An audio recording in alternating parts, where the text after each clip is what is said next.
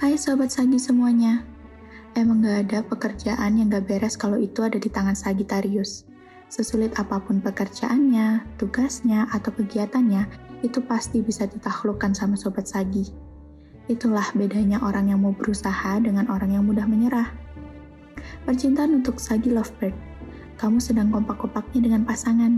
Selera kalian benar-benar lagi sefrekuensi di minggu ini. Happy-happy terus ya Sagi Lovebird. Percintaan untuk Sobat Sagi yang masih single. Akan ada hari di mana kamu akan bertemu dengan dia. Just wait for the day. Jangan asal pilih pasangan. Percaya deh, it's worth the wait kok.